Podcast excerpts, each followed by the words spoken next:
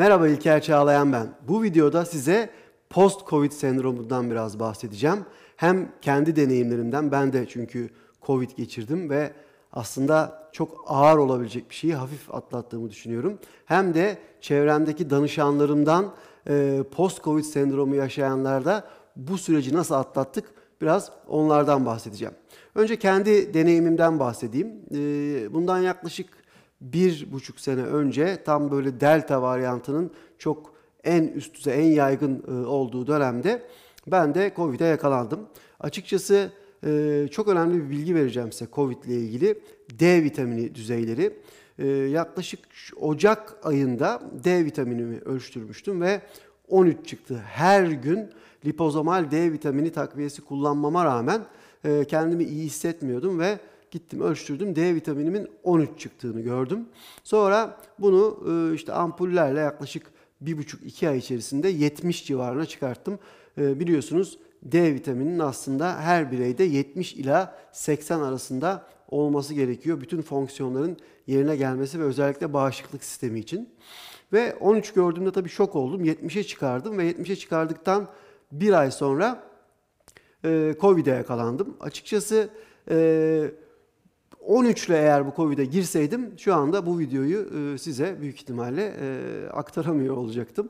D vitaminin önemi çok çok büyük. Hala yani Covid geçse de geçmese de D vitamini düzeylerinizi sürekli ölçtürüp 70-80 arasında tutmakta fayda var.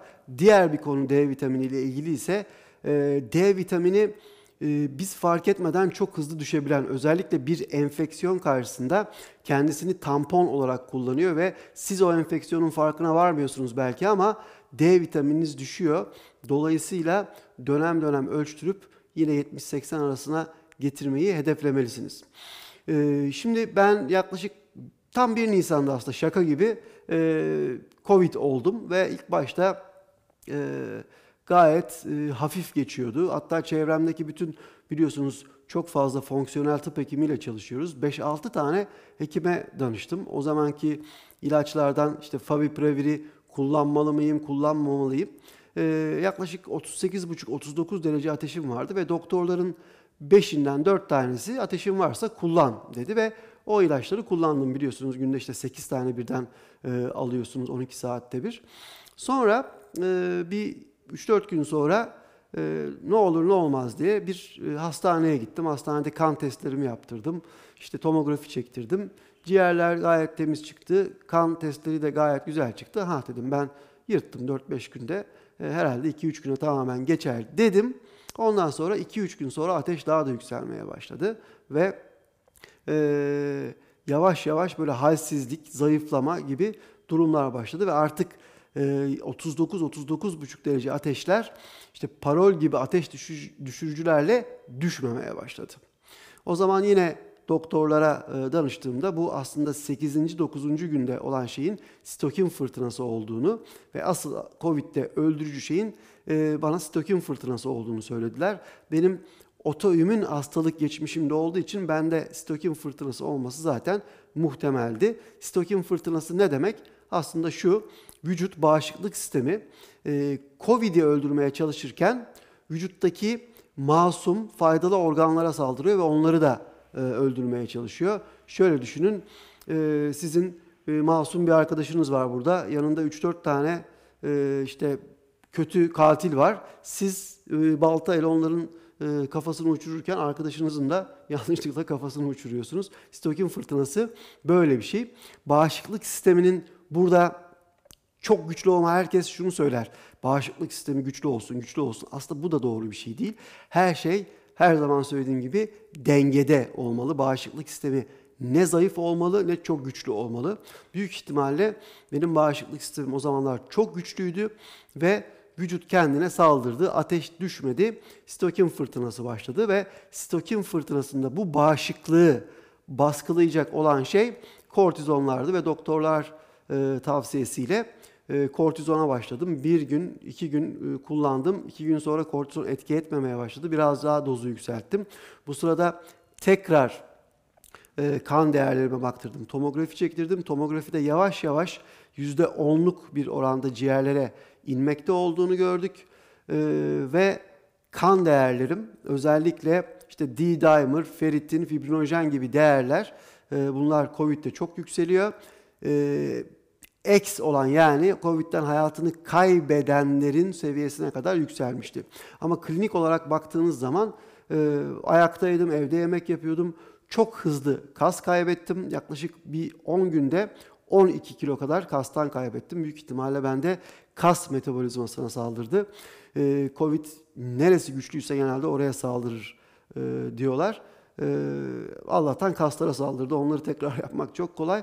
Ama nefes alma ile ilgili işte e, işte satürasyonumu ölçüyordum, e, oksijen kapasitesi ile ilgili hiçbir problem e, yoktu. Ama e, kortizonun ateş düşme, düşmediği için dozunu arttırmak zorunda kaldık ve 2-3 gün boyunca yüksek doz kortizon kullandım. Sonra tekrar düşürdük ve yaklaşık bir 23-24 gün sonunda Covid tamamen geçti. Ama tabii bu süreç e, benim için biraz ağır geçti. Hiç hastanelik olmadım ama bence önce kullandığım favipiravir, ondan sonra kullandığım kortizonlar ki ben hayatımda hiç bu kadar ağır doz kortizon kullanmamıştım.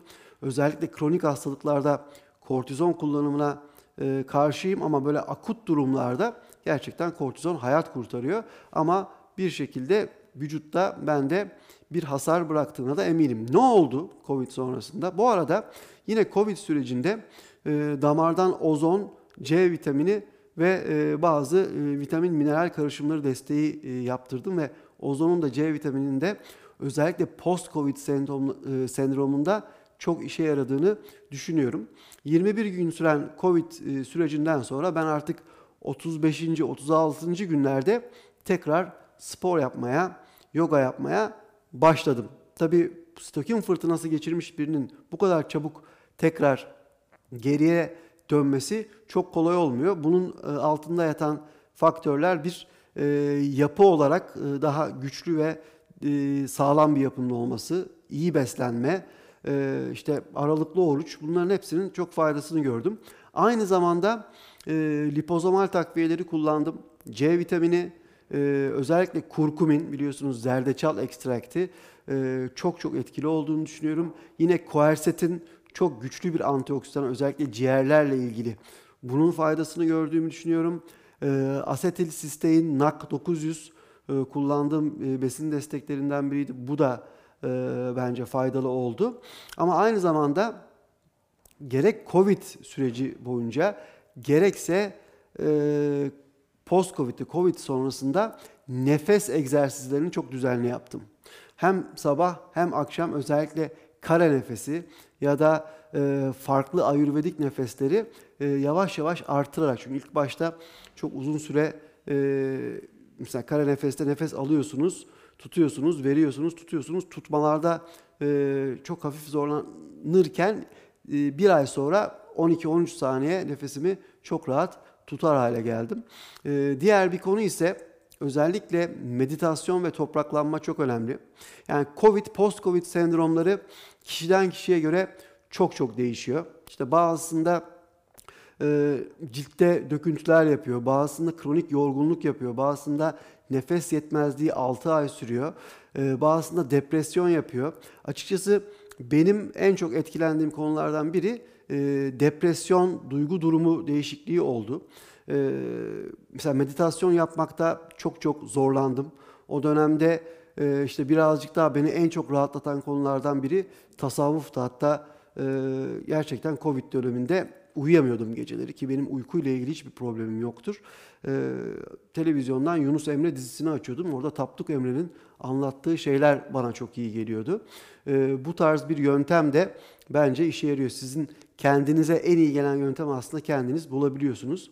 Ee, topraklanma çok önemli. Çok şükür e, ormanın ortasında bir evde yaşıyorum ama ormana gitmek, ormanda bir süre geçirmek e, çok çok önemli. Ağaçlara sarılmak, orada meditasyon yapmak. Yani hiçbir şey yapmasanız bile bir sandalye alın, ormanda 2-3 saat boyunca oturun. 2 e, saat ve fazlası oturmak biliyorsunuz Japonların yaptığı bu orman banyosu Shinrin Yoku e, klinik çalışmalarına göre e, bize çok iyi geliyor ama bir 2 saat e, geçirmek gerekiyor. Bunun dışında beslenme çok çok çok önemli. Çünkü dediğim gibi Covid'in herkes de ayrı bir şey yapıyor, ayrı bir yere saldırabiliyor, ayrı bir iz bırakıyor, hasar bırakıyor ve bunları hala bilmiyoruz ne olduğunu ama bunların altında yatan sebep aslında enflamasyon. Burada anti enflamatuar bir beslenme çok önemli. Anti enflamatuar beslenmeyi nasıl yapacağız? Yediklerimizin %70'i 80'i özellikle koyu yeşillerden oluşan sebzelerden oluşacak. Aralara turuncuları atacağız, morları atacağız, kırmızıları atacağız, sarıları atacağız. Biliyorsunuz bunlar da antioksidan ve çok değerli fitokimyasallar içeriyor. Mümkün olduğu kadar katkı maddeli ürünlerden, paketli ürünlerden, alkolden, sigaradan, uyuşturucudan uzak duracağız. Glutenden, süt ürünlerinden de mümkün olduğu kadar uzak durmakta fayda var. Düşük karbonhidratlı, bol lifli, bol yeşillikli meyveleri e, de tüketmek gerekiyor ama meyvelerde özellikle daha böyle dağ meyveleri, az şekerli meyveler, kuru meyveler değil de mesela bir avuç böğürtlen, ahududu, frambuaz, yaban mersini, kivi, nar bunlar gerçekten çok değerli. Beslenmeye çok uzun süre dikkat etmek gerekiyor. Belki 3 ay, 4 ay, 5 ay, 6 ay. Yine aynı şekilde bu bahsettiğim beslenme, nefes egzersizleri, topraklanma, mindfulness, meditasyon, tasavvuf, teslimiyet, birazcık böyle akışına bırakma, şahit makamına çıkma, makro bakma bunlar pratik haline getirildiği zaman çok çok etkili oluyor. Yine eğer çok ciddi semptomlar yaşıyorsanız post-covid ile ilgili ozonu, C vitaminini düşünebilirsiniz. Lipozomal kurkumin yani kurkumin zerdeçal ekstrakti vücut tarafından çok zor emilen %99'u e, emilmiyor, atılıyor. Dolayısıyla burada lipozomal bir takviye kullanmakta fayda var. Çünkü yemeğinize bol miktarda zerdeçal atsanız bile e, açıkçası çok fazla faydalanamayacaktır vücut. E, koenzim Q10 özellikle lipozomal formda işe yaradığına, post-covid sendromuna işe yaradığına dair klinik çalışmalar var. Yine koersetin çok güçlü bir antioksidan. Bunu da kullanabilirsiniz. Ama çok acele etmeyin. Sabırlı olun. 3 ay, 5 ay, 6 ay sürüyor. Belki daha fazla sürüyor ama bunların sonunda bu bahsettiğim pratikleri yaparsanız çok çok faydalanacağınıza eminim.